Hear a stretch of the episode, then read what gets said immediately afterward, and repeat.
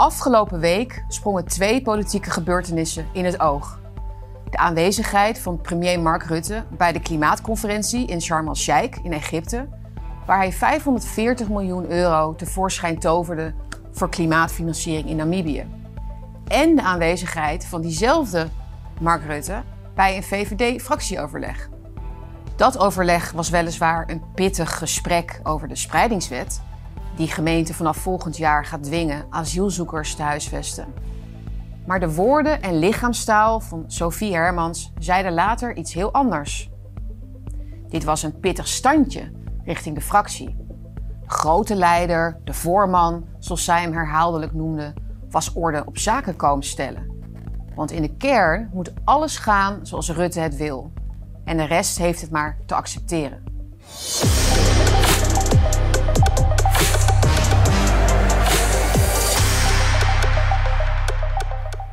Er is helemaal geen sprake van een crisis, lachte Rutte terwijl hij de lift instapte. Hij stak ook nog even zijn duim omhoog naar de pers en blaakte van het optimisme. Onder zijn bewind is er ook nooit iets aan de hand. In ieder geval niet iets om je druk over te maken.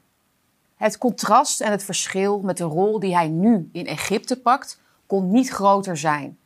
Maar Rutte had er slechts een retourtje met de regeringsboeing voor nodig om hem te overbruggen. Zo makkelijk als hij landen als Namibië tegemoet komt in hun economische behoeften en eisen, omdat het daar wel grote crisis is, u weet wel, die van de modellen. Zo makkelijk laat hij die rol weer los als hij op eigen bodem landt. Hier doet hij toezeggingen tijdens pittige gesprekjes die niets betekenen. Daar doet hij groteske toezeggingen, waarvan je je kunt afvragen namens wie of wat hij die doet. Je kan dit als volgt samenvatten. Voor Rutte geldt: wie onmachtig is, kan eindeloos toezeggingen doen, want als hij ze niet nakomt, ja, dat komt dan door zijn onmacht. En wie wel machtig is, hoeft die niet te doen, omdat er niets in de weg staat om meteen de portemonnee te trekken en ter zake te komen, zoals in Egypte. Hierin ligt het bewijs, onder andere, dat Rutte uitsluitend nog handelt met het mandaat van de EU en de machtige clubjes waar hij deel van uitmaakt. En het grappige is, iedereen weet dat ook. Hij weet dat iedereen dat weet en iedereen weet ook dat hij dat weer weet. Maar we zijn zo gewend geraakt aan zijn leugens dat er geen kookpunt meer is. We zijn zo chronisch verbijsterd en ontzet dat dit gevoel normaal is geworden. We hebben er allemaal zo schoon genoeg van, maar weten niet meer waarvan eigenlijk. Omdat de dubbele standaard, de kloof tussen elite en volk, zo groot is dat hij tegelijk onzichtbaar wordt. Dus grijpen we naar wat we nog wel snappen, naar consistentie in ons rechtvaardigheidsgevoel, naar chocola maken van de heersende moraal. Dat verklaart ook het volgende wat ik wil bespreken.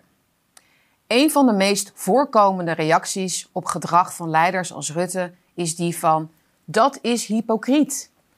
De beelden van wuivende palmbomen en luxe resorts uit Egypte waren al genoeg. De vakantiekiekjes van jonge klimaatactivisten, of tegenwoordig heten ze ook plaktivisten, in verre orde net zo. Een relletje over Dolf Jansen, die door de Telegraaf aan de tand werd gevoeld over zijn vlieggedrag en daarover heel boos werd, was ook zo'n voorbeeld. Dan is er nog de bolle buik van Frans Timmermans, die zuinigheid en plantaardig eten predikt. Dat was al honderden keren goed voor hypocrisiegeroep. Maar denk ook aan de mondkapjes die ineens afgaan na fotomomenten. En ga zo maar door. Andersom proberen de usual suspects ook hypocrisie verwijten voor te zijn. Het afwassteltje van Sigrid Kaag. Het in huis halen van vluchtelingen door BN'ers. Een fietsende Rob Het probleem met de hypocrisie-argumenten is alleen dat het de meest zelfbeschadigende en machteloze uiting is die je als burger kunt inzetten. Tenminste, als dat inzetten tot doel heeft de macht te ontmaskeren of zoiets. Het vergroot die macht eerder en je verkleint bovendien die van jezelf. Allereerst, wat is hypocrisie eigenlijk? Nou, dat is het voorwenden van geloof, gevoelens, moraal of deugden zonder daar volledig achter te staan. Of daaraan verbonden normen en waarden zelf in de praktijk te brengen.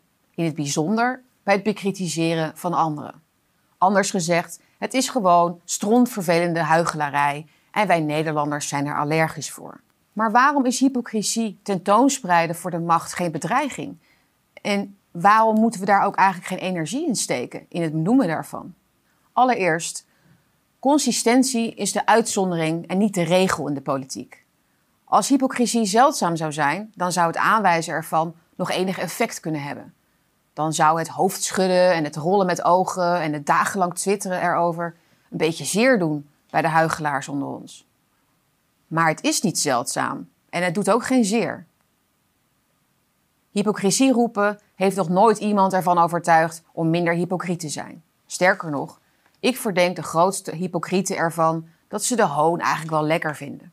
Want wat wordt uitgelicht met het verwijt is vooral die macht en de privileges en de brutaliteit en de lange neus die ze kunnen trekken. Ja, ik, Christiane van der Wal, zit inderdaad lekker op Curaçao nadat ik net de stikstofregels voor de boeren heb aangescherpt. Ze zijn niet voor niets huigelaars. Dubbele standaarden kan ze domweg niet schelen. Consistentie, dat is voor de brave dommerikken die zichzelf te pletter moraliseren. Dat hypocrisie onderdeel is van hoe de macht zichzelf behoudt, bewijst ook de manier waarop de woorden doen ertoe brigade opereert. Sigrid Kaag is om het minste gekwetst, loopt theatraal weg en moraliseert in lezingen en interviews dat het allemaal veel aardiger moet in Nederland. Maar zodra iemand liquideer hem over de oppositie roept, is dat geen enkel probleem. Hypocriet, roept iedereen dagenlang. Maar het is belangrijk om te weten dat het niet dreigementen en geweld is waar Kaag en haar gelijken tegen zijn, maar geweld tegen hun eigen groep. Dat benoemen is veel sterker. Dat is bij de kern komen. Hypocrisie aanwijzen vergroot dus niet je politieke doel of mogelijkheden. Je creëert er eerder een nieuw probleem voor jezelf bij. Want voor wiens morele standaard pleit je nu eigenlijk? Welke norm probeer je weer gelijk te trekken als Rutte potverdorie weer die Boeing pakt? Is dat die waarin je zelf naar hartelust kunt vliegen en een malse angus biefstuk kunt eten zonder schuldgevoel? Die waarin je een keertje lekker onfatsoenlijk of opruiend kunt uiten omdat dat in een vrij land mag? Of is dat die van de klimaatalarmist en de toonmoralist die het liefst alle pleziertjes en uitingsvormen aan banden wil leggen? Welke prijs wil je betalen voor het bekrachtigen van belachelijke normen waar je zelf niet achter staat? Dus je denkt misschien dat je iemand betrapt op hypocrisie, maar in feite bekrachtig je de ideologie en moraal die ons worden opgedrongen en die alleen voor ons zullen gelden. Dus zeg altijd hoe je de wereld zelf graag ziet. Dan nog een ander punt. Hypocrisie-argumenten slaan eigenlijk altijd de plank mis. Omdat er vaak twee afzonderlijke gevallen naast elkaar worden gelegd, die zogenaamd bij elkaar horen, maar in feite je tegenstander sterken in de originele versie. Een voorbeeld daarvan is de maandenlange aandacht voor de dood van George Floyd en de Black Lives Matter beweging die er groot mee werd. Was het daardoor niet hypocriet dat er geen aandacht was voor het door een immigrant vermoord meisje van 12 in Frankrijk onlangs? Waar bleef de ophef nu het ineens om een zwarte dader ging? Nou, de onbedoelde boodschap is eigenlijk dat je een dubieuze beweging als Black Lives Matter nodig hebt om aandacht te vragen voor een ander groot onrecht. Dat ook het predicaat raciaal gemotiveerd krijgt. Zelfs als dat niet bewezen is. Kortom, je verkiest een norm, een vorm van activisme, die niet de jouwe is. In de hoop een soort redelijkheid aan te boren misschien, of omdat je de macht mist, werkelijk iets te doen aan onrecht dat onderbelicht blijft. Dat is ook niet eerlijk, maar geen reden je te spiegelen aan iets wat je ten diepste afwijst. Als consistentie je missie is, dan noemen ze dat in het Engels ook wel setting yourself up for failure. Dan moet je bij elke raciaal gemotiveerde moord straks verontwaardiging laten merken. Dan moet je het voortdurend opnemen tegen mensen die van huigelen zelf de norm hebben gemaakt. Dan moet je voor lief gaan nemen dat jouw grote dieselauto en jouw vliegvakanties scheve ogen oplevert. Dan kun je niet ineens zeggen: ja, maar ik ben maar een burger. En zij moeten eerst maar eens het goede voorbeeld geven. Die dubbele standaard die je eigenlijk zou moeten aankaarten, die gaat verloren in je boodschap. En dan komen we tot slot bij wat dan wel werkt, namelijk het benoemen van die ongelijkheid. Die dubbele standaard zelf dus. De ongelimiteerde macht aan de kant van de elite. Het gebrek aan vrijheid. De tirannie van de deugdmens. Het falen van de democratie. Als iedereen zich druk maakt over Rutte, die even terugvliegt uit Egypte voor een dagje. En wat het allemaal wel niet kost, zo'n Boeing. En wat er allemaal wel niet op het menu staat in Sharm el-Sheikh. En wat hij aan klimaatschade aanricht door honderdduizenden vluchtelingen te herbergen in ons eigen overvolle land. Dan maken we ons letterlijk druk om niks. Dan zoeken we naar logica en consistentie, naar een gezamenlijke norm en een gedeelde moraal. Maar die is er niet. En die komt er ook niet. Niet zo in ieder geval. En dan kom ik tot mijn echte slotsom en misschien wel de moraal van dit verhaal.